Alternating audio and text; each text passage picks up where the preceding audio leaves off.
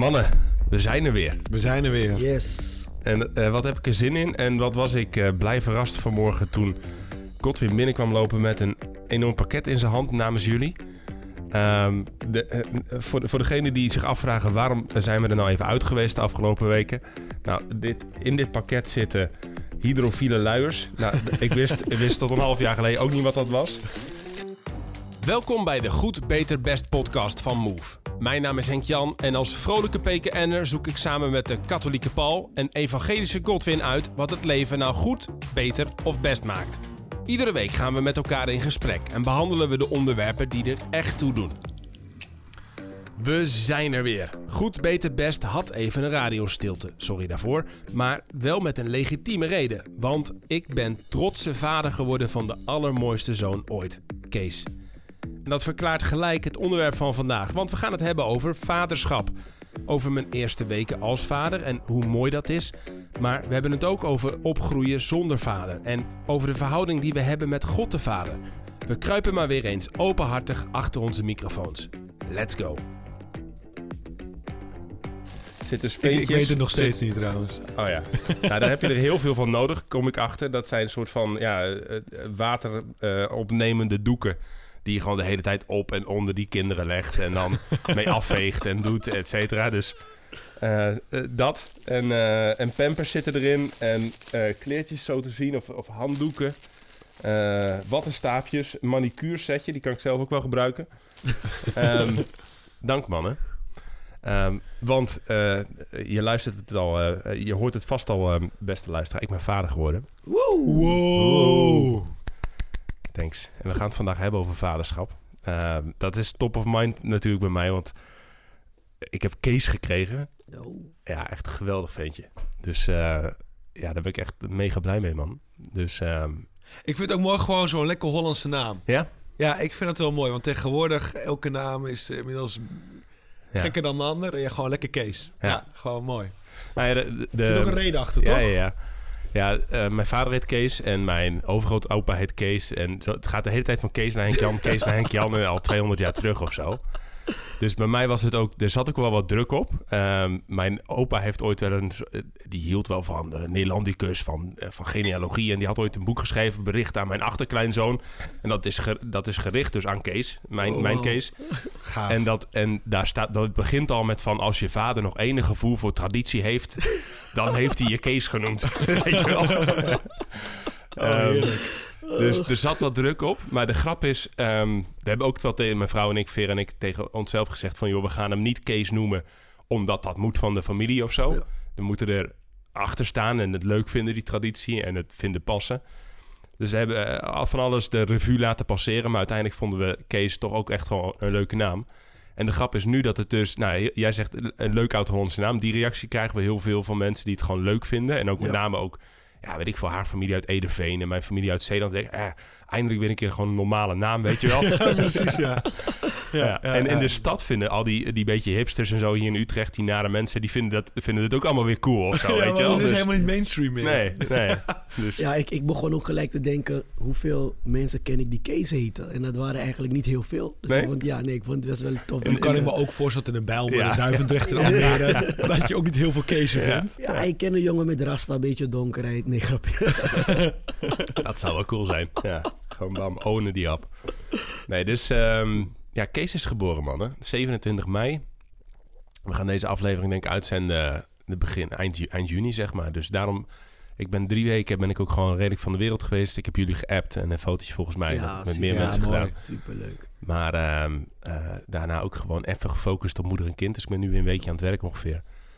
En ehm, ja, dat is wel. Laten we, het, laten we het gewoon over gaan hebben, zeg maar. Hey, wat, wat het betekent, vaderschap. eh, ook de, de pleegvaderschap. Ook keuze jou van eh, Paul. Ja. joh, jij wordt geen vader in het leven, is het idee. Het is wel leuk dat we die Ja. drie, even die drie verschillende... ja, dus ben ik ook erg benieuwd naar. Ehm, en wat betekent het om, om een goede vader te hebben, om een goede vader te Ja. zijn? Nou, het lijkt me goed, want is, volgens mij is het...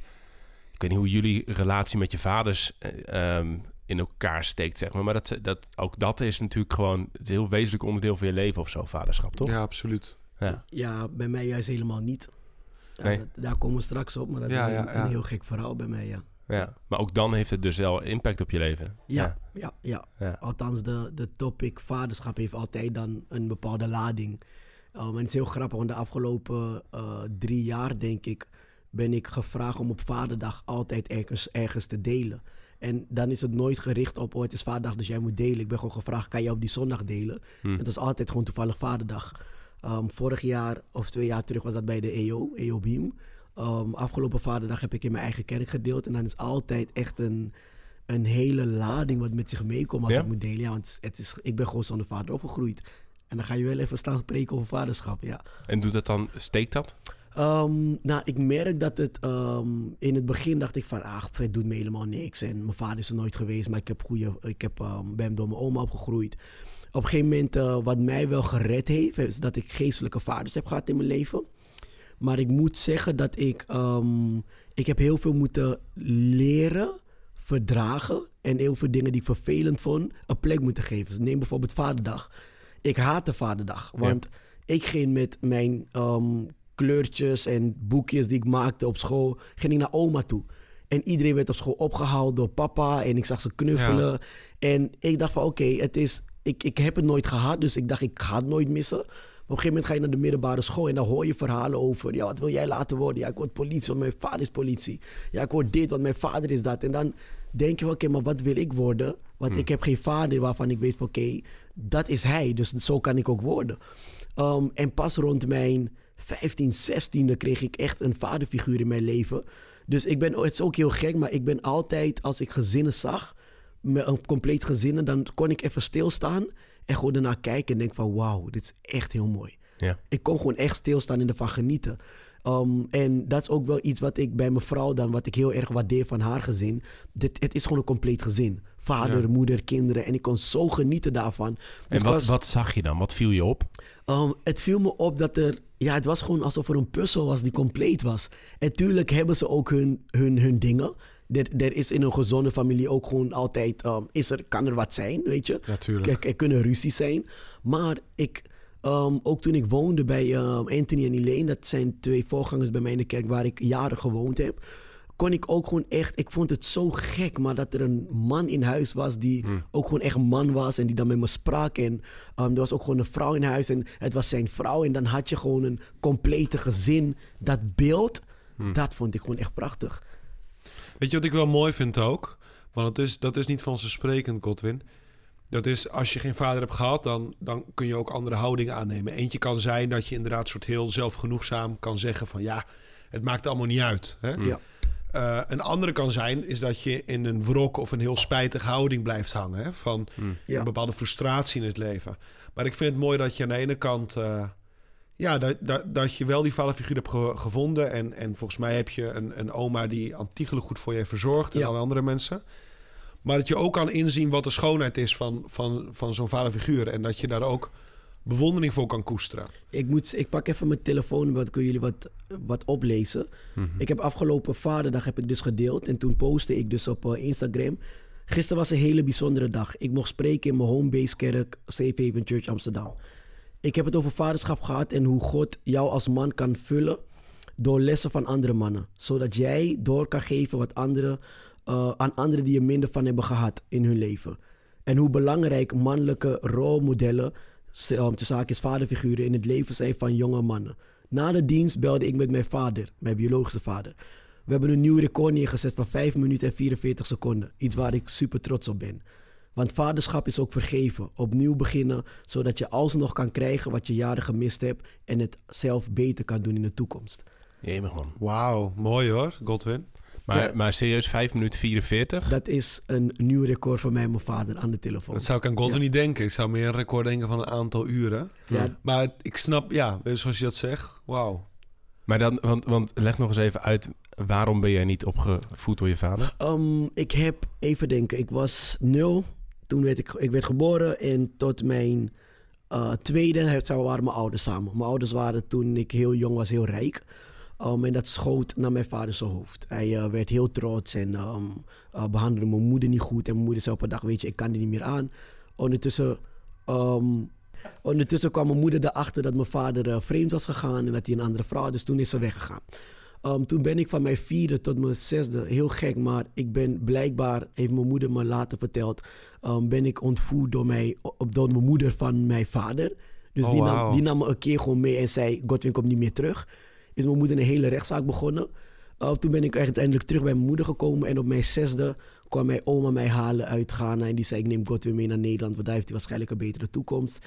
En sinds toen heb ik eigenlijk nooit meer wat van mijn vader gehoord. Um, er werd wel af en toe gebeld, zei mijn moeder, maar ik, ik, ik heb er helemaal niks mee meegekregen. Hmm. Op een gegeven moment was ik 15, toen moest ik verplicht terug naar Ghana. Um, van de IND moest ik mijn geboorteakte ophalen.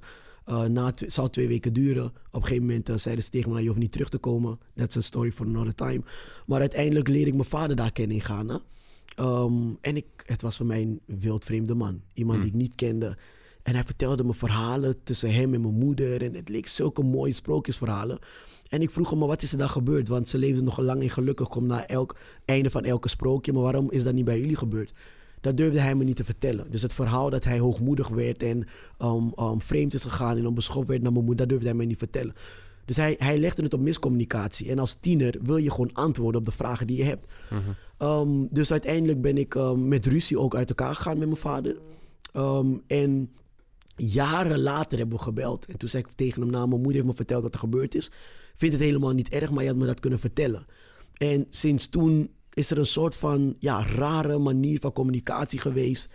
En mijn oma die stierf in november uh, afgelopen jaar. Hmm. Toen belde ik hem op. Ik zei, uh, pa, um, mijn oma is overleden. Want ik weet dat hij een goede relatie met mijn oma had uh, vroeger. En ik geef hem, um, hij vraagt de telefoon, hij, vraagt, hij, zegt tegen mij aan de telefoon, geef me je moeder even. En ik geef hem mijn moeder. En hij stond op luidspreker en ik hoor gewoon dat hij mijn moeder zegt, ja, hoezo bellen jullie nu na jaren? En waarom belt Godwin me niet um, elke week? Hoe komt dat? En dat is jouw schuld. Dus hij probeert mijn moeder schuldgevoelens te geven op dat moment. En ik pakte de telefoon. Kijk, als kind kon ik dat niet.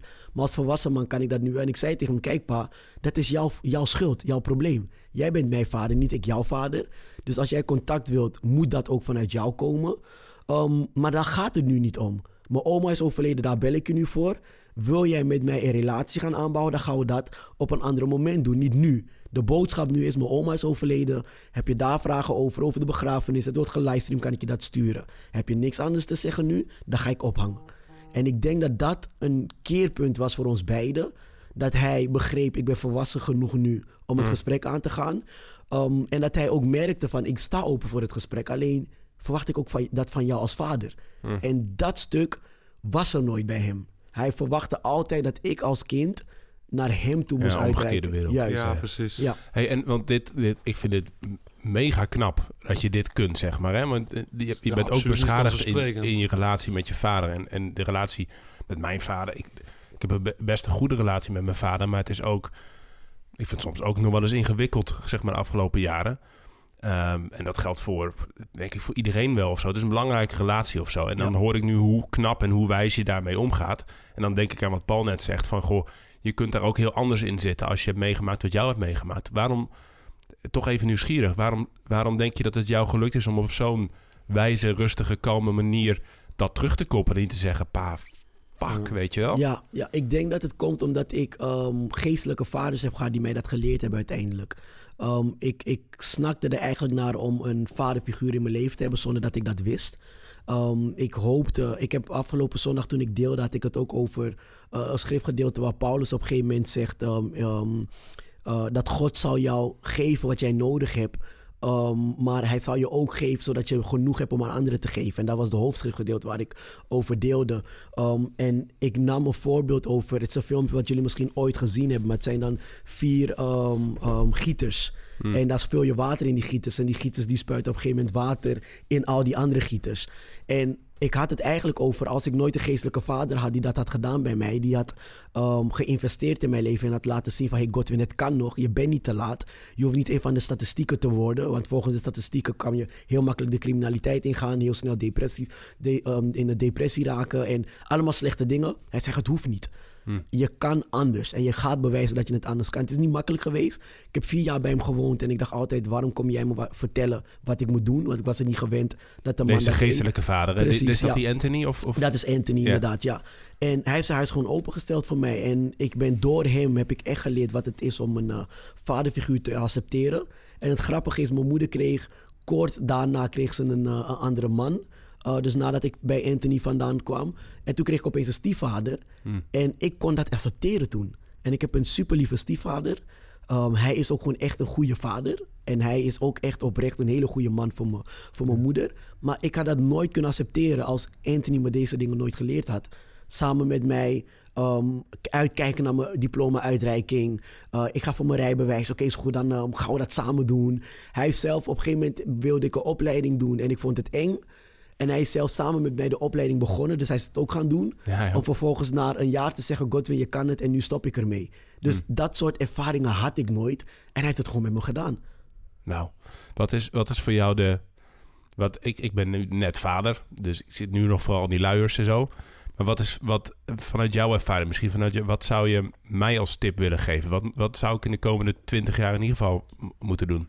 Um, wat mij geholpen heeft, is dat ik. Um, en dat ik sprak laatst met een, uh, ook een andere, een, een, een hele goede vriend van mij, die ook een vader is, hij heet Philemon. Hij zei tegen me: Godwin, je moet genieten van het moment. Blijf in het moment. Geniet van nu. En dat is voor mij zo een wijze advies geweest. Want bijvoorbeeld simpele dingen als um, fietsen met je kind van huis naar school. Dat zie je wel eens dat heel veel vaders dat doen. Maar je staat er niet bij stil voor dat voor een kind betekent. Dat doe ik nu met mijn jongste pleeg, uh, pleegkind. En ik zie gewoon wat dat met hem doet. We fietsen nu ongeveer drie weken vanuit huis naar school. En dan weer terug.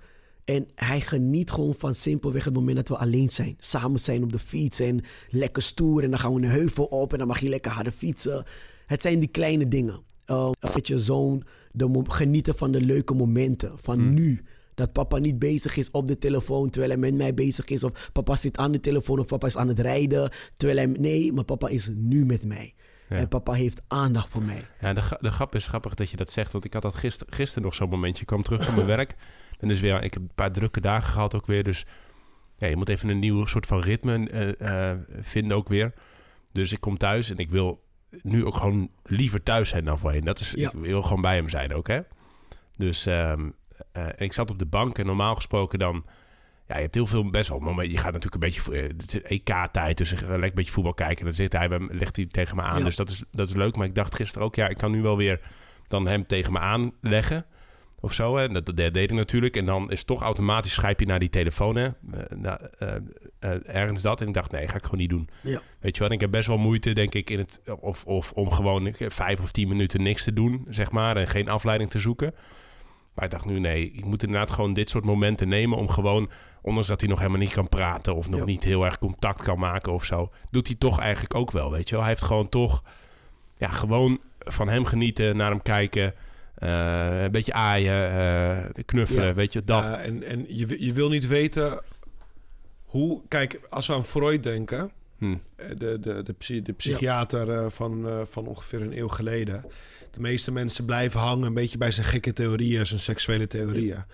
Maar Freud heeft wel heel veel interessante inzichten. Hm. En eentje daarvan, en dat zie je daarna ook uh, bij... Ja, de ervaring leert het, maar dat hebben daarna ook andere psychiaters bot bevestigd. Dat is dat de relatie in de prille jeugd ja. tussen vader en zoon... natuurlijk ook tussen zoon en moeder en dochter en vader, et cetera... maar laten we het even houden bij de vader en zoon... Uh, die is heel bepalend. Ja. En uh, we moeten niet onderschatten, een kind sinds zijn geboorte... dat, dat neemt enorm veel bagage mee... van onder andere relatie met zijn vader en met zijn moeder. Dus ja. hoe je naar hem kijkt, de liefde die hem geeft... het aantal, zelfs de, de, de kusjes die hem geeft... Mm. de mooie dingen die je zegt, die blijven allemaal hangen. En gewoon, een baby groeit zo snel. Hè, weet je, Mm. gewoon psychologisch, biologisch, alles. Dus wat je zegt vind ik heel mooi. Dat je in plaats van even de telefoon te pakken... dat je gewoon liefdevol naar je kindje kijkt. Dat je even die tijd Ja. gewoon niks doet. Dat is denk ik heel mooi. Ja. Dat is heel waardevol. Ja, en dat is ook gewoon, ja, dat, dat, eh, gewoon die eerste nacht ook. Hè. Hij komt dan net uit dat ei, zeg maar. Hè. Ja. Dus, dus de hele wereld is, is nieuw voor hem. Dat, dat proef je ook een beetje in zo'n kind. Hè. Dat, dat, dat het allemaal, ja, wat gebeurt. Hij, hij kwam heel rustig ter wereld hoor. Vera is in een bevalbad bevallen en dat, die bevalling is wel een heftig dingetje. Eh, Ehm, dus, maar hij kwam, dat ging wel goed met hem. Zeg. Hij kwam, ik zag hem zo naar me toe zwemmen, zeg maar. Hè, en in dat bevalbad en een beetje samen eruit gevist. Wow. En dat was heel vet. Eh, en hij, hij was eigenlijk direct rustig. Hij, ze moeten dan een beetje vocht uit die longetjes eh, hoesten en zo. Maar hij gaf even een kikkie en toen gewoon rustig op de arm bij Vera en ik eromheen. En hij lag daar gewoon lekker te chillen, weet je wel. En hij is altijd een chill beertje geweest die eerste weken. dus hebben we super veel mazzel mee en heel, heel fijn. Ehm, maar je merkt ook inderdaad, zeker die eerste nachten... en dat is nog steeds af en toe soms... soms heeft hij ook nu zo'n dag dat hij, dat hij een soort sprongetje maakt of dingen. Maar die eerste nachten dan... Ja, was het gewoon te veel gevraagd om hem dan in zijn bedje te leggen. Weet je wel, in, in, hij, ik komt uit zo'n geborgen omgeving. Ehm, ik heb wel eens... eh, Sloterdijk is dat, de, de Duitse filosoof die... ehm, heb ik altijd onthouden. Die heeft het over sferen in het leven. En hij heeft een boek Sferen geschreven. En hij zegt dan ook... Eigenlijk zijn we altijd op zoek naar die, die, die, die sfeer, die basisomgeving... De, een, een, in, de, in, de, in de moederbuik... waarin alles geborgen is en alles verbonden is. Soort van, hè? En dat we op zoek zijn naar diezelfde soort van sferen. En die, die kun je telkens ietsje uitbreiden. Dus je hebt dan de sfeer van je eigen kleine gezinnetje, zeg maar dat. En je kunt daar nog een sfeer overheen bouwen van je buurt en je grotere familie. En, ehm, en, en daar, daar komt dan nog een soort van sfeer van een, een gemeenschap of een stad Ja. of, of een dat. En dan uiteindelijk een soort van natiestaat zou je... De, iets waarbij, waarbij je verbonden voelt. Maar ergens altijd vanuit het diepste heimwee het verlangen van terug... van naar die geborgenheid van die, van die moederschoot ook ergens, hè? Ja. En dat merkte ik bij hem dus ook wel een beetje in die eerste dagen. Dat ik, dat ik eh, die eerste nachten, Vera was natuurlijk gewoon, ja, die had wel wat meegemaakt. Dus die moest ook gewoon zoveel mogelijk slapen even die nachten. Dus dan, dan ja, toen heb ik hem eh, grotendeels bij me gehad. En dan, dan ligt hij gewoon op je borst de hele nacht. Ja, eh, dan geeft zich helemaal over, weet je wel. En ja, dat is gewoon te gek. Ja, fantastisch. En ehm, eh, hebben ze je zo nodig, zeg maar, en zo verbonden is dat. Ja. Ja, dat is echt next level, hoor. Dat is, dat, er is niks wat daarmee vergelijkt of zo, heb ik gema gema eh, gemerkt nu. Ja. Ik vind het ook wel mooi wat je zegt, want als ik ook denk aan, zo, aan een vaderfiguur... Hm. en een aantal dingen bij me overkomen. Ten eerste, ik denk in het leven zelf... er zijn twee hele belangrijke levensdrangen die elke mens heeft. En dat Hm. is het gevoel naar veiligheid... Hè, je kan het ook wel vergelijken dat mensen misschien een schiereiland is. Hè. Dus aan de ene kant hebben we wel die verbondenheid... en die Ja. hebben we ook echt nodig. Een plek waar je terug kan vallen, waar je in een veilige omgeving op kan groeien. En daarnaast, de andere drang is die van avontuur. Hè. Dat is dat je het onbekende ingaat. Hè. Vandaar het schiereiland. Hè. Dus de zee om je heen. Hè. Dus de, de- dat je uit je comfortzone komt. En nu gaat het even niet om van, van... als het gaat om de vader en de moeder... wie exact welke rol. En waarschijnlijk is het een beetje gemengd. Maar ik vind ook wel mooi het, het idee van dat de moeder juist ook meer staat voor de veiligheid, de verborgenheid. Hm. Hè, de, de moeder is ook vaak degene die, ook al heb je het echt flink mislukt in het leven, ze zal je altijd omarmen. Hm. En de vader is juist degene die je uitdaagt. Degene die, die ook durft te eisen van je. Hm. Hè, want op die manier kom je uit de verborgenheid en kan je uiteindelijk ook verantwoordelijkheid dragen in je leven. Hm. En dat is natuurlijk iets wat heel goed geïntegreerd moet zijn. Maar ik vind dat ook een heel mooie Maar gedachte. dat begint, ik merk dat ook, want, want het onderscheid tussen vader en moederschap. ehm, en je hebt dat misschien als, als pleegvader, of als zeg maar met, met ook met iemand die niet je biologische vader is meegemaakt. Ja. Dus eh, ik vraag me wel even af, hè. kijk, ik merk het nu ook al een beetje. Ik moet nu weer aan het werk. En ook gewoon hard aan het werk weer. Ja. Zeg maar, ik heb een tijdje op de pauzeknop kunnen, de- maar dat. Dus, en ik ben er echt nog wel veel thuis en eh, dat. Maar de hoofdzorg gaat nu naar Vera, zeg maar. Ja. En die, ik merk ook dat zij groeit nu in haar rol als moeder. En dat, dat, dat vind ik super mooi om te zien. Ehm, maar die eerste week of zo was de verbondenheid tussen mij en Kees bijna nog sterker als tussen, gek, ja, weet ik niet, maar tussen zijn moeder en Kees of ja, zo. Hè? Ja. Dus, ehm, en ik begin dus wel vanuit, want ik ben het helemaal met je eens, Paul. Uiteindelijk wil ik hem ook een schop onder zijn kont geven en zorgen dat hij die wereld in kan, dat hij weerbaar is. Dat Ja. is ook je taak als, va- als, als vader. Daar ben ik 100% van overtuigd. Maar eh, op dit moment is het gewoon zorgen voor veiligheid en geborgenheid en hechting, zeg Ja. maar. Ja. En daar, Ja, beg- ja, ja, daar ja, begint ja. het volledig mee. En ik denk ook zeg maar, dat dat verschil tussen man en vrouw, tussen moederschap en vaderschap, dat dat dus ook ehm, ja, een beetje een soort van cultureel of praktisch bepaald is, deels. Hè? Dus een, een, natuurlijk, ik, herken ook wat je zegt, dat de, de, de, de richting van de moeder is altijd, voelt nog altijd veiliger, ook in mijn leven of zo, dan naar de, ja, naar, weet ik, ja, dan, dan, dan naar de vader of zo. Ja. Ehm, maar dat heeft ook te maken met van hoe richt je je leven in. Als Vera nu bewijs van, en je moet natuurlijk eh, ook nog herstellen, et cetera, maar ehm, Als, als ik nu zo een, een vier maanden verlof zou hebben gehad... of in Japan hebben vaders een jaar verlof, weet je wel... Of, Ja. ja. dan, dan, dan kan je die band ook nog weer anders vormen of zo. Dan, dan, dan hoef je niet per se dat verschil te hebben... tussen Ja. een vader die, die stimuleert en, en een moeder die veiligheid biedt. Maar kun je dat... Snap je? Ja, maar daarom zei ik ook van... Het, het, het is niet per se dat, de een, dat het een soort zwart op wit is. Ja. Ehm, dat, daar ben ik het ook helemaal met je eens. Kijk, ik denk dat er ook sociaal-cultureel factoren zijn... Waardoor dat, hè, waardoor dat op die manier gaat. Ik denk ook wel zeker in, in de, de eerste jaren... dat er ook wel biologische factoren zijn. Ook gewoon evolutionair bepaald. Hè? Dus dat is op zich ook logisch. Want de man moest weer gaan jagen... en de vrouw die was thuis in de grot Ja. of in de hut. Ja. En dus, dus dat denk ik ook. Ehm, nee, maar om nog even te bevestigen wat je zegt. Kijk, als ik ook even een, een, een spirituele sprong ma- eh, mag maken over een eigen interpretatie. Ehm, ik denk het fundament van, van ons geloofsleven. Dus dat is eh, waar uiteindelijk waar alles op rust, Ja. is het besef, de overtuiging dat God mijn vader is. Ja. En dat is, de, dat is de veilige omgeving. De veilige omgeving is, Ja. zoals een verloren zoon... ik kan gruwelijk op mijn bek gaan... maar mijn vader staat altijd op me te wachten. ja. En in eerste instantie worden we bemind door God... Ja. en daardoor zijn we ook in staat om zelf te beminnen. Ja. Dus het begint bij die veiligheid. En in eerste instantie moet je die hele mooie, goede, veilige omgeving creëren. Als die, als die, goed, als die goed gestructureerd is... ik denk ook in het geloofsleven... Hè, als je echt je weet te berusten op de wil van God de Vader... als je met hem bent, dan kun je ook sprongen wagen. Ja. Ja. En dan kan je aan de slag gaan. Dan, want je weet gewoon van, als ik op mijn bek ga, als ik val... dan weet ik altijd waar ik terugkeer. Maar dat, dat, dat, dat moet ook groeien, dat besef. Dat is ook een vertrouwen dat gekweekt moet worden. Het gaat niet vanzelf. Ja. Je kan het wel zeggen. Tegelijk denk ik van, dat de- dus dat denk ik ook in, in, bijvoorbeeld in jouw geval... Maar bijvoorbeeld, ik heb natuurlijk ook inmiddels veel vrienden... en ik denk jullie ook, hè, die ook kinderen krijgen. Dus dan hoor je ook die verhalen, et cetera. Dat al bijvoorbeeld zoiets als na, na een, een korte tijd... dat de baby ook s'nachts heel veel gaat janken... omdat hij om die aandacht vraagt. Dat er ook een moment moet komen... dat de ouders soms ook het kind gaan negeren. Zodat het kind ook leert van... ja, niet elke keer dat je huilie huilie... dan komen we meteen... Ja. Hè, om je, nee, op een gegeven moment moet het kind ook leren, bijvoorbeeld, om een goed vlas slaapritme te bouwen. En ook te leren slapen, ook als papa en mama niet in de kamer is of je niet omhelzen. Ja. Dus er komt al Ja, vrij vroeg ook een moment. Dat, ja, ik, ik zou nog eens moeten kijken wanneer dat is, zeg maar. Want oh, nu hoor ik mensen zeggen, nu kunnen ze nog niet manipuleren, zeg maar. Hè? En Ja, op een gegeven moment precies. komt dat misschien een beetje. Misschien na een jaar, ik weet niet of een jaar Of of een half jaar, geen idee. Maar op een gegeven moment dat Maar, niet toe, maar maar- nu is het gewoon, moeten ze echt leren. Als ik hel, dan komt er eten, zeg maar. En dan, dan is pa of ma. Dus die betrouwbaarheid moet je ook opbouwen. Dus dat doen we ook gewoon heel erg. En op een gegeven moment komt er wel een keer een moment dat je denkt, ja, weet je, dat hè.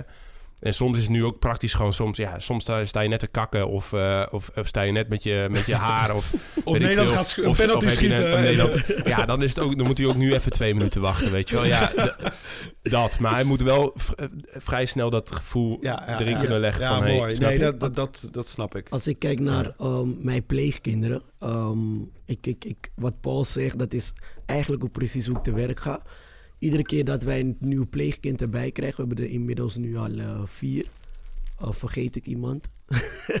dat moet ik soms ook even Even kijken, je had er toch vijf of zes? Of vergis ik me nou? Had jij dat ook niet gehoord? Eh Heb Ja, je- we- kijken. had er er zes vijf of of, zes, volgens ja, mij. zes of zeven of zo zelfs. zes, Nee, we hebben, er, we hebben er nu vier. We hadden er zes, we hebben Ja. er nu vier. Oké, oké. Oké. Godzijdank ben je niemand vergeten. Nee, we hebben er nu Ja. vier. Uh, maar wat ik doe, uh, zodra... We hebben ook alleen maar jongens, vier jongens. Um, zodra ze binnenkomen, de eerste keer dat we ze ontmoeten... of de eerste keer dat we gesprekken hebben... vraag ze altijd, wat vind je leuk? Hm. Um, een van ze vond bijvoorbeeld gamen heel leuk. Heb ik ze die spelletjes gedownload. En de, in het begin ben ik, nooit, ben ik inderdaad... creëer ik een veilige omgeving. Ik doe Hm. alles wat ze leuk vinden. Um, de ander vond sporten heel leuk. Dus we gaan kickboksen, rennen. We joggen nu elke ochtend nog steeds om zes uur samen. Uh, maar ik ben daar constant bezig in hun wereld. Wat vind je leuk? Hoe kan ik, je, hoe kan ik jouw wereld begrijpen? Ja. Mooi. En dan na ongeveer vijf, zes maanden zo... merk ik, oké, nu ben ik in staat ze te zeggen... wat ze anders moeten doen. Ik heb eentje van 16. ehm, die kan echt overal waar hij is... kan hij gewoon heel vervelend zijn. Brutaal zijn. Ehm, hij, hij, hij schoot ook heel veel toen hij bij ons kwam. Zei ik tegen hem, nou, we schelden hier niet. En in het begin kon hij het heel moeilijk nemen. Maar we zijn dus van alles samen gaan doen. En we zijn nu zodanig naar elkaar toegegroeid dat wanneer hij wat doet, Hij had bijvoorbeeld een jongen in de bus, ging hij, ehm, die jongens bus, eh, ging hij die stoel duwen. Je hebt van die opklapbare ehm, stoelen in Ja. die eh negenpersoonsbusjes. En die jongen ging, hij ging dan die stoel drukken en dan die jongens de stoel steeds duwen. Dus op een gegeven moment ehm, heb ik die moeder van die jongen uitgenodigd. Want ik werd gebeld, zeg kom maar langs. Hm. Dan gaan we even een gesprek hebben. Die jongen was helemaal bang. Nee, maar dan moet ik tegenover hem zitten. En, dus die jongen komt binnen. En ehm, ik roep mijn pleegzoon naar beneden. Hij komt beneden, hij is 16. Hij komt beneden aanlopen. Hij ziet die jongen. Hij schrikt zich kapot. Hij kijkt naar mij. En ik merk gewoon dat hij zoiets heeft van... Man, wat heb ik gedaan? Hm. Want hij wist gewoon, het kwam eraan. Dus ik kon hem gewoon zeggen, wat je gedaan hebt. Ik, ik keur dat gewoon niet goed. En toen gaf hij ook gewoon aan, ja, dat begrijp ik. En ik weet hoe je denkt en ik vind het heel vervelend dat ik dit gedaan heb. Maar die relatie hebben wij omdat ik eigenlijk mezelf helemaal heb gegeven in wat hij leuk vindt. En omdat hij die veilige omgeving heeft gecreëerd, um, gekregen heeft.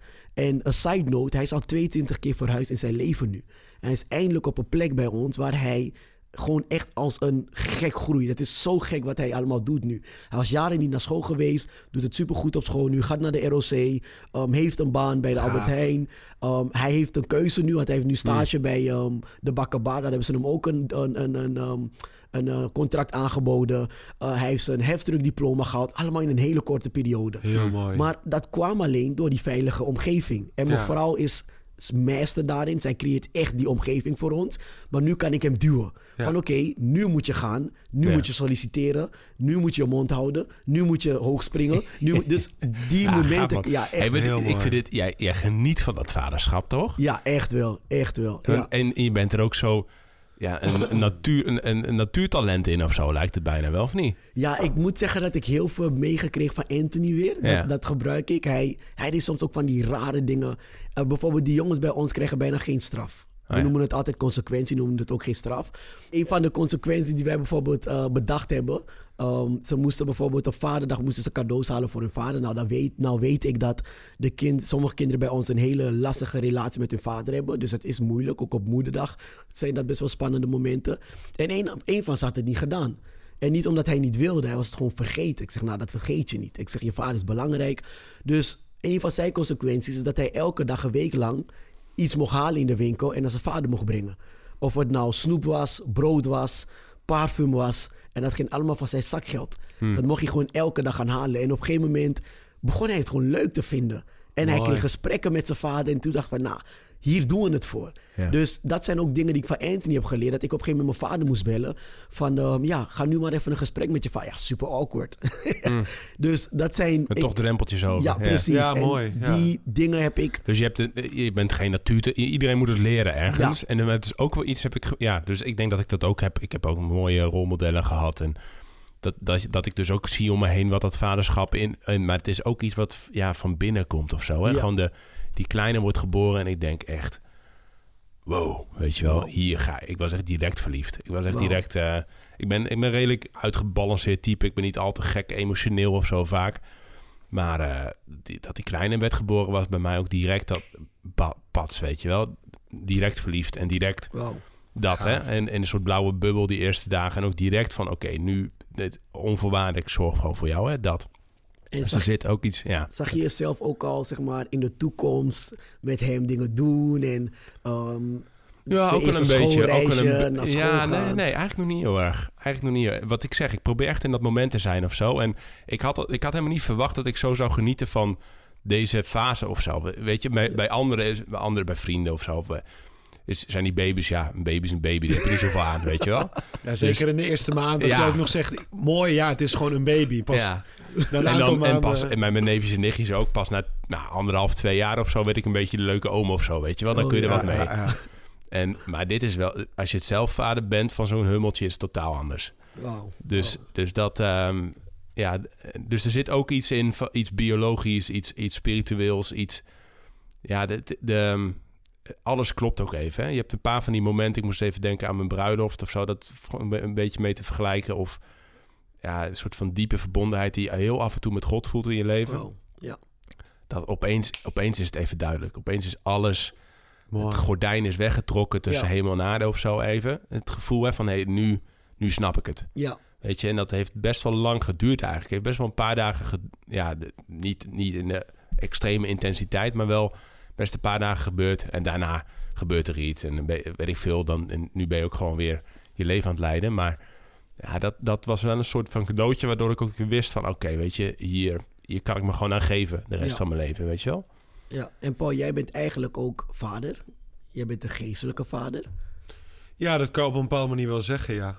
Hoe- Hoe, ervaar jij dat? Bijvoorbeeld Henk Jan heeft het heel erg over het moment dat hij zijn kind zag en dacht van wow, dit is, dit is iets heel moois, iets heel Ja. prachtigs.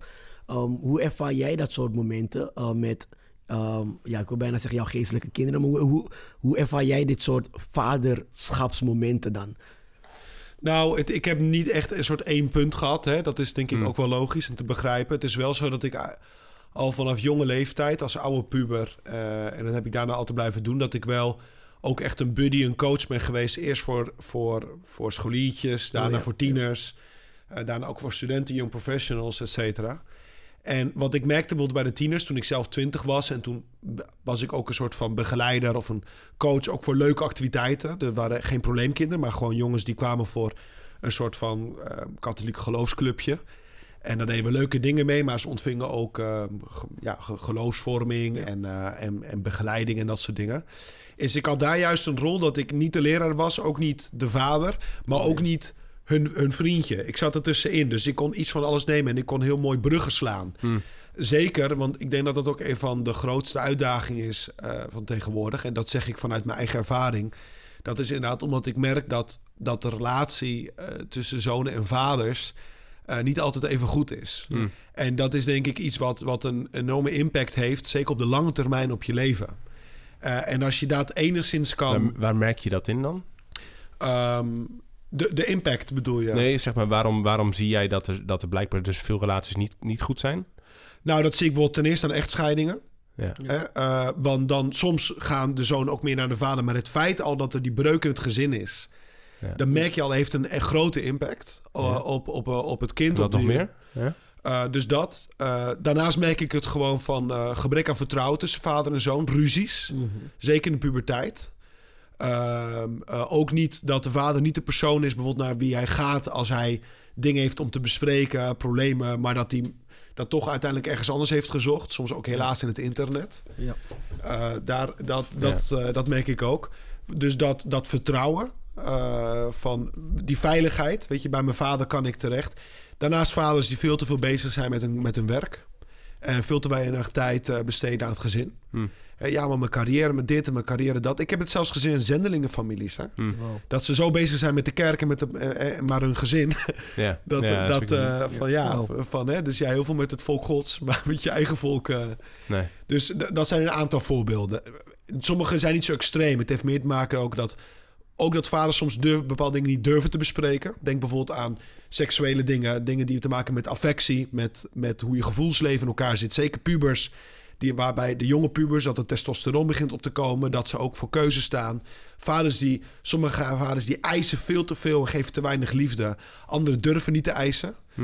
Uh, en dit heb ik ook gehoord van volwassen kerels van wie ik geestelijke begeleider ben. Ja. Die zeggen van, Paul, eigenlijk heb, ben jij voor een groot deel ook mijn vader geweest. Want ik, ik, heb, niet, ik heb niet een vader gehad die me echt die van me eiste op de goede manier, Hmm. snap je? Van iemand bij wie ik ook voor wie ik, die me uitdaagde. Hè? Ja. Dus, dus het is vaak ook niet in heel veel van dit soort extreme. Maar je hebt dus wel af en toe een soort van... Je mag wel vader...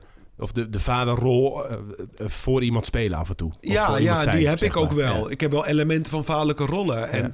uiteindelijk, hè, dus, dus het is ook. Um, uh, Hey, want want ik, waar, waar ik ook wel, sorry, toch ook wel een benieuwd naar ben, hè, van hey, um, jouw, jouw levenskeuzes om je Ja. te geven aan, uh, aan Jezus, Ja. in feite, celibatair te leven. Nou, we hebben het over gehad in de context van geen liefdesrelatie met een vrouw hebben, zeg maar. Hè? ja, ja, ja. Um, maar het betekent ook gewoon dat je niet biologisch vader gaat Ja. worden. Dat je niet wat ik nu heb ervaren en wat Godwin volgens mij nog wel wil gaan ervaren, of Ja. niet? Ja, zeker. Ja.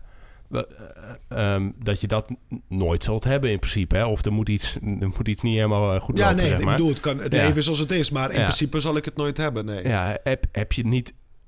Is dat niet een... Hoe, hoe kijk je naar? Is dat niet een gemis? Ik- eh, Ja, het is een offer. Kijk, hetzelfde als met die vrouw van vader worden. Ik vind dat zo extreem mooi. Hmm. eh, dat, dat dat kindje en ook dat je er verantwoordelijk voor bent. En ja, ik weet niet. En dat je, het, dat je het mag opvoeden en dat je het mag vullen met vrijheid en verantwoordelijkheid om prachtig ideaal in zijn leven te, te kijken. Ik, ik vind dat schitterend, ja. En, en dat is een, een liefdevol offer. Ik ben er heel bewust van. Sommige mensen zeggen me ook van... Paul, volgens mij zou jij een schitterende vader zijn. Dat denk ik ook. Ja, en, en, dan, en dan zeg ik, ja, op zich... Ik denk dat het ook op zich een goed teken is van, van... Het is niet dat ik een soort... Omdat ik een incompetente vader zou zijn... Dat ik deze keuze heb gemaakt. Nee. Snap je? Maar doet het, doet het niet... Want het is, het is wel een offer. Doet het, doet het een offer? Kan, doet het ook pijn? Of, of, of niet meer? Of nou, hoe kijk, zit je daarin? Het, het hangt af. Kijk, soms heb je fases dat je hier gevoelig voor bent. Trouwens, Ja. net zoals voor de, de liefde voor vrouwen. Hm. Hè, van dat, dat je soms, ja, soms zit je in een fase van je leven dat je merkt van hé, hey, dat, dat, eh, dat, eh, dat ligt wel gevoeliger. Hè? Of mijn Hm. hart, eh, die. die hè, dus daar hebben we het ook wel over gehad. Hè? Dat je soms van die dipjes kan hebben. Eh, of dat je daar gewoon gevoelig voor bent. En dan kan, dat, dan kan je dat meer raken. En hetzelfde geldt hiervoor. Op dit moment eigenlijk, en dat is heerlijk, dat, dat ik gewoon zie die vader-zoon relatie, zo'n vader met zijn kindje. En dat, dat komt ook gekke ome Paul. En, en dan heeft hij dat kindje en dat vind ik schitterend. En dat ik dan gewoon echt God voor dank. Dus dat ik dat echt gewoon naar waarde kan schatten. Maar dat ik ook heel gelukkig met mijn leven ben. Er zijn momenten, en dat zal in de toekomst ongetwijfeld ook af en toe komen, dat je even die steek voelt. Hè? Ja. Of dat je even voelt van, goh, en dan soms ook in geestelijke begeleiding, als andere celibataire leven van het Opus Dei. Dus ik zeg, ja, de laatste tijd merk ik wel dat ik hier meer gevoelig voor ben. Of ik merk dat mijn hart wat meer... eh, en zeg, godzijdank. Dat wil zeggen dat je een gezonde man bent. Weet Ja, je wel? wow. Van, want we moeten ook menselijk blijven. En ons hart moet ook gewoon van vlees blijven. En dat wil zeggen dat je hart gevoelig is voor, voor de mooie dingen van dit leven. Ja. Maar je hebt de, de, de, de steek en het offer. De, het is niet dat het nu eh, continu heel veel pijn doet. Je Nee. hebt daar vrede in gevonden. Dat, Heel dat, veel dat hoor ik.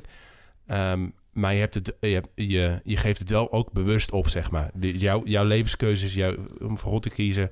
Daar, daar valt dit ook onder, zeg Ja, maar. nou, als ik daarover twee overwegingen mee kan geven hoe ik Ja. het bekijk. Ehm, het, Jezus zegt zelf ook, ik zat er, of Paulus zei, maar ik denk dat Jezus het direct zei van noem niemand uw vader, want u, Oh, het is ja. alleen uw vader die in de hemel is. Hoe ik dat interpreteer is dat we uiteindelijk elke vorm van vaderschap moeten, dat, dat we dat moeten soort van kanaliseren naar God de Vader. Hè? Dus we hebben natuurlijk vaderlijke figuren hier op aarde. Natuurlijk jij nu als Hmm. biologische vader, maar ik denk ook aan een dominee, een priester Ja. hè, of, een, of een, een, een pleegvader. Uiteindelijk in de christelijke van het woord probeer je ook dat hij door middel van jou ook al dingen meekrijgt van wat het betekent dat God jouw vader is. Hè? Dus dat je dat weet te kanaliseren.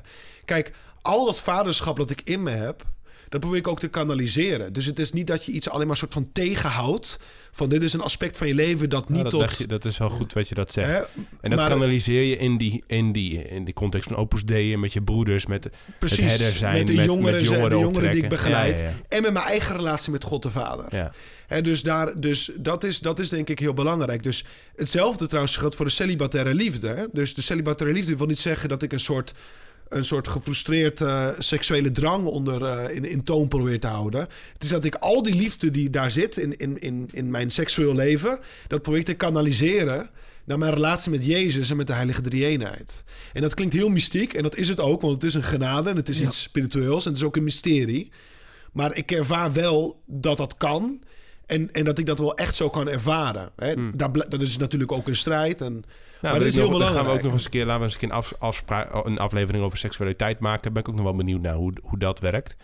Ehm, eh, Godwin, zeg maar, hoe, want jij hebt wel het verlangen om ook biologisch vader te worden. Ja. Ik was ook even benieuwd, zeg maar, wat, wat het nou... Want we kunnen het heel erg over vaderschap hebben en we hebben best wel veel mooie dingen gedeeld, denk ik. Maar hoe helpt het nou met het, het vaderschap zelf om een goed leven te leiden, zeg maar? Hoe, hoe, hoe zie jij dat? Ik denk als je een, ehm, een goede vader bent, ehm, of het nou geestelijke vader is, of een biologische vader of een pleegvader, ehm, dat je oprecht kan genieten van de successen die jij ziet in het leven van je kinderen. Hm. Ik denk dat dat heel helpend is voor een vader. Dat een vader gewoon trots kan zijn. Ehm, Merk je dat dus nu? Want jij bent pleegvader. Ja, Is dat, nu- dat, zo werkt dat voor jou? Nu, ja, nu, ik, ik geniet echt oprecht als ik eh, een van de 14-jarigen bij ons dan, die deed, was echt een clown op school, deed zijn best niet en deed echt allemaal gekke dingen. En nu komt hij met zijn cijferlijst thuis en hij heeft gewoon alleen maar achten en zeven. En ik denk van wauw, dit is, het, het doet mij zo goed om dat gewoon te kunnen zien. tuurlijk, Zijn succes. kick En hij zegt nu, ik wil hierna, ga ik VMBO-T doen, daarna wil ik naar de ROC. Hij begrijpt het. Ja. En Dus je hebt een, en, maar dat levert jou gewoon levensvreugde op. Het maakt jouw dag Het gewoon beter. Mij, ja, echt wel, echt wel. Ik kan, als al alles om me heen neervallen, als de kinderen maar thuis komen met goed nieuws, iedere keer heb ik zoiets van, nou, Ik ben Ja. gewoon super trots op dit. En ik zie ze al over een aantal jaar eh, verhuizen, op hunzelf wonen en gewoon kunnen koken. Gewoon echt een verantwoording kunnen nemen over hun leven. Ja. En daar is waar ik het voor doe. Dat ik uiteindelijk kan zeggen, nou, al ben ik er niet meer, en dat denk ik dat vaderschap is, iets kunnen overdragen wat anderen behouden als jij er niet meer bent. Ja. En dat lijkt me heel mooi. Dat, dat vind ik gewoon super tof. Ja, heel gaaf. Ja. Ik had nog een vraag. Ja. Ik weet niet of het past nu in Nee, de timing niet en uit, dergelijke. Maar ik denk een andere belangrijke vraag, eh, iets specifiek ook, is... hè, je bent, eh, nou, we zijn alle drie wat gelovige christenen. Ja. En, eh, en ik vermoed dat jullie ook wel het verlangen hebben... dat jullie kinderen ook dat geloof helemaal mogen beleven, heel persoonlijk. Hoe breng je dat over? En eh, wat heb je daar bijvoorbeeld ook al een beetje over nagedacht? En ik ben ook benieuwd naar hoe jij dat doet met de pleegkinderen. Bijvoorbeeld van, ehm, van is het zo van nou, vanaf het begin volledige vrijheid... en die kinderen moeten zelf de keuze maken. Hoe probeer je dat geloof over te dragen aan je kinderen? Dat die, dat die natuurlijk wel ontvangt, maar dat, die het ook echt, dat het uiteindelijk ook echt een persoonlijke keuze wordt. Ja, Ja. Ik probeer eh, God persoonlijk... Ik geloof dat God een persoonlijke God is. En ik probeer hem ook persoonlijk te maken voor de kinderen. Ehm, en daarin laat ik, om de, terug te komen ook op de vraag van Paul... daarin eh, laat ik het voorbeeld zien waar ik in geloof. Wat ik geloof dat de Bijbel zegt. Ehm, hoe ga ik om met mijn naasten? Hoe ga ik om met mijn buren? Hoe ga ik om met mijn vrouw? Hoe ga ik om met kinderen? En dat ik ehm, daarin het voorbeeld laat zien en de kinderen dat zeggen... oké, jullie hebben het gezien. Ik adviseer je, doe het na. Want Mm. dat brengt gewoon heel veel goeds met zich mee. Wil je dat niet doen, zal ik er altijd voor je zijn. Maar je zal wel fouten maken wat onnodig is.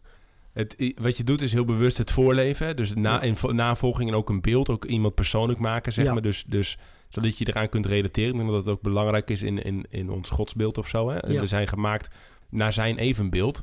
Ja, dus ook als je, als je Chinees bent, of ook als je wit bent, of ook als je dat, hè. Ehm, eh, ja, ik moet zelf, om even jouw vraag, zeg maar, Paul. Ehm, ik ben een beetje voorzichtig nu begonnen met af en toe met een bidden. Ik, nog niet, ik moet nog een beetje een soort van... Ik ben er sowieso niet zo goed in. Een soort van vast eh, moment. We zijn sowieso een beetje met ritme op zoek. En je moet elke drie uur eruit. En, eh, dus het is nog niet heel erg in, een soort vast ritme. Maar dat vond ik... Ik had ook één moment, dat vond ik wel... Hij had, hij had het echt even te kwaad. Hè. Soms is echt, echt lullig om te zien. Dan, dan hebben ze krampjes of eh, overstuur. En dan... eh, en over het algemeen kan ik daar best wel redelijk goed mee omgaan. Is na een kwartiertje of zo wel weer voorbij. Maar nu bleef het een beetje of zo. En toen dacht ik, oké, nou ga ik maar bidden voor hem. Wauw. En, en, eh, en, en eh, ik zeg, joh, heilige, heilige geest wilt u bij bij Kees zijn en met hem zijn en bla En pats. Hij was stil. Wauw. En dan, dan denk ik bij mezelf, dan ben ik ook wel weer zo'n zo'n eikel dat ik dan denk... Is dit gewoon toeval? Is het gewoon goede timing? Ben ik gewoon precies op het juiste moment gaan bidden? Of is dit echt God? En dan denk ik, ja, volgens mij moet ik gewoon voor kiezen dat dit ook echt God is, zeg Wow. maar, die hier nu is. Eh, dat. En ik denk daarnaast gewoon heel erg wat jij, Paul, wat jij zegt, Godwin, dat, dat ehm, je kunt, dat gaan we natuurlijk met hem doen, bijbelverhalen voorlezen, bidden, eh, op zondag naar de kerk, al, al dat soort dingen. Maar daar, dat is wezenlijk, maar ehm, het staat of valt denk ik meer nog met van, hey, wie ben je zelf in je leven? Ja. En, en is Jezus zichtbaar in jouw leven en de keuzes die je maakt? Het is, het is mooi dat je dat zo zegt. Dus dat eigen, als ik het zo mag reframen, even kijken of het klopt. Wat je laat zien met je leven is dat Jezus geen bijkomstigheid is. Ja. Iets voor leuk voor op de zondag. Ja. Je laat zien dat in de, in het dagelijks leven, in de goede en slechte momenten, dat je echt steunt op Jezus, op de Ja. Heilige Geest, op Ja. God de Vader. Ja. En als hij dat ziet in zijn vader en zijn moeder, dan wordt het daarna ook veel toegankelijker voor hem om, om zelf ook die keuze te kunnen maken. Ja. Ja. En dan is het, dan is het eh, real, weet je wel? Ja. Dan, dan is het niet eh, een gewoonte. En, en er zijn allerlei gewoontes, rituelen die ik waardevol vind. Van gebe- weet je, gebed, Tuurlijk. kerk, et cetera. Alleen, ehm, eh, ja, het is geen Sinterklaas of zo. nee, het moet, dat heb ik bij mijn ouders ook gezien, denk ik. En ik denk, denk jullie eigenlijk ook bij, Ja, bij je oma, et absoluut. En, absoluut. en, Ja. en dat, dat, dat het echt doorwerkt in je leven. En dat je er gewoon in je financiën en in je omgang met mensen. En dat, eh, dan, dat is nog, nog steeds geen garantie dat iemand zegt: Goh, ik, ik ga ook in Jezus geloven. Maar ehm, het helpt wel gigantisch, zeg maar, om het, Ja. om het, ja, dat. Dus ik hoop dat dat in de komende, dat ik dat gewoon de, de rest van zijn leven blijf doen, zeg maar. Ja, ja, je leven spreekt boekdelen. Als ik ook kijk naar hoe Jezus de Vader um, op aarde bracht, was het ook heel vaak door... Hij zei dingen, maar hij deed ook heel veel. Hm. Hij, hij gaf ook heel veel. Hij liet mensen ook zien wie de vader was. En hij zei ook op een gegeven moment: Als je mij hebt gezien, dan heb je de vader gezien. Dus met andere woorden, het gaat niet om hoe ik eruit zie, maar mijn karaktereigenschappen zijn Ja. hetzelfde als die van mijn vader. En dat vond ik heel mooi, want Jezus laat eigenlijk gewoon zien: zeg niet alleen dingen, leef het ook. En dan zullen mensen ehm, mij zien door jullie heen. Ja, Dus dat, dat is wel iets wat ik echt thuis probeer te doen. ja. En iemand anders zei... ehm, en dat, volgens mij kunnen we het dan ook een beetje afsluiten voor nu. Ehm Reinier Kramer, predikant in het oosten van het land. Een hele fijne vent, een tijdje, mee op, een tijdje geleden wat eh, contact mee gehad. Eh, spreekt ook bij Eerst Dit, bij die podcast. En die, ehm, die zei, ik heb nog nooit... Ik had over dat ik vader ging worden. Zegt, ik heb nog nooit zoveel geleerd over wie God is als vader inderdaad. En zijn over de liefde van God, zeg maar, dan, dan toen ik zelf vader werd. En Wow. Eh, ja, dat in, Ja, die, mooi. in die zin, zeg maar, het, het goede leven ook, als je het daarover wil hebben. Van los van het feit dat het je gewoon heel veel lol en heel veel vreugde oplevert. En heel veel poepluizen en gebroken nachten. Maar gewoon heel veel ja, goeds in je leven. Gewoon geniet van die kinderen en van de stappen die ze maken. En van de aanwezigheid, et cetera. Dat is gewoon voor mij ja, heel, heel veel goeds in mijn leven. Ehm, leert het je inderdaad ook wel eh, meer... Stelt het je in staat om gewoon meer liefde te geven en te delen. En iets meer te begrijpen van de enorme liefde die God ook heeft eh, voor ons als hij zich vader noemt, blijkbaar. Weet je, als dat het rolmodel is, als dat het de bron is, zeg maar, van vaderschap, dan, dan ehm, ja, dan, ergens voel je je nog weer zoveel meer geaccepteerd of zo, zeg maar. En ook zoveel, ja, hij is, Kees is ook zo'n zo'n hummeltje, weet je wel. Het is gewoon zo, zo kwetsbaar of zo ergens, weet je. Je bent zo, het is zo, ehm, eh, je hebt gewoon, het is ook gewoon een beetje ellendig in de wereld soms, hè. Weet je, ook al voor hem nu gewoon. Hij heeft gewoon krampjes en dingen, is gewoon Ja. kut. En, en ehm, je ben je ook gewoon maar een mens en helemaal beperkt en helemaal... En, en gewoon in de ellende van de wereld, ook daar proeft hij nu al iets van. Ondanks dat hij denk ik over het algemeen best wel een lekker chill bitch heeft en een leuk leven heeft al. Maar, maar dat hè. En, en, ehm, en dat hij allerlei dingen gaat doen die niet handig zijn. En dat proef je allemaal in hem al. En dat, en dat, dat je desondanks gewoon knijters veel van hem houdt, zeg maar. Ja. Ik nu als vader, ja, dat, zo, zo kijkt God dus ook naar ons, denk ik. Hè? En, en, Ja. en nog veel meer, of zo. Als ik nog, ik wilde nog twee, twee eh, ja, adviezen geven vo- voordat we graag. afronden. De, de eerste is eh, meer specifiek voor ouders. Dat is probeer om geen ruzie te maken in de aanwezigheid van je kinderen. Hm. Hou de ruzies voor de slaapkamer. Als je even wil, flink wil discussiëren, want je bent ergens al van eens. Maar laat je kinderen niet getuigen van boosheid onderling. Is, Als het kan. Ja? Ja, dat is, dat is echt heel goed. Zeker als want je zou ook kunnen, zijn. ja, misschien dan toch een beetje zijspoor, maar je zou ook kunnen zeggen, joh, op een goede manier, zeg maar, ja, in het leven tegen conflicten aanlopen en dat dan weer bijleggen, is ook. Mijn ouders hebben best wel eens ruzie, ja, niet schreeuwende ruzie en dingen tegen, tegen de, de muur aan gooien, maar best wel eens ruzie gehad. Maar ook, ook zag ik altijd weer dat ze het op brede korte termijn weer bijlegden of zo. Oké, hè? nou, als, als ze ruzie maken, dat, ze ook, dat, dat je dan ook sorry tegen elkaar zegt in aanwezigheid van de kinderen. Ja. Maar laat, laat kinderen niet het gevoel hebben dat er tussen papa en mama conflict is of verdeeldheid. Ja. Dus natuurlijk, af en toe is er een ruzietje of een irritatie in de auto. En zeg daarna even sorry, lieverd. Hè? Ik Ja. het niet zo. Dat ze daarvan. Maar, maar ik denk in het algemeen probeer wel. Hè? Ga nou niet bijvoorbeeld eh, gevoelige dingen discussiëren. Nee. Als je gewoon weet, de kinderen zijn erbij. Parkeer het even als de kinderen naar bed gaan. En ga het dan bespreken met elkaar. Ja. Het is een advies, het is geen dogma, maar dat, dat, dat, de, dat, wil, dat, dat denk ik wel echt. Het tweede ehm, is, en ik vind er Godwin een heel mooi voorbeeld in, je relatie met je eigen vader, als die niet goed is, maak het zo snel mogelijk goed. Je Ja. weet niet wanneer die vandoor gaat. En je wil niet dat je vader komt te overlijden zonder dat je met hem hebt verzoend. Ja. Er is een hele mooie film die ik recent heb gezien. Hm. Vond ik echt heel mooi. Dat is ehm, A Beautiful Day in the Neighborhood van Tom Hanks. Hm. En dat is een heel mooie film. En die gaat onder andere hierover. Heel inspirerende film. En dus Beautiful day in the neighborhood. A Beautiful Day in the... Volgens mij heet Beautiful. Ja, ja, het is A Beautiful Day in the Neighborhood van Tom. Hanks. Film uit 2020 volgens mij. Hm. Hele mooie film. Mooi. En die gaat ook hierover. Eh, ik vind het in ieder geval, eh, die staat genoteerd. Ehm, ik hoop dat je het leuk vond om hier naar te luisteren. En eh, een beetje via mij kennis te maken met Kees ook. En eh, sluit het hem af. Pak je koffie. Lekker. Joe. Tof dat je luisterde naar de Goed, Beter, Best podcast.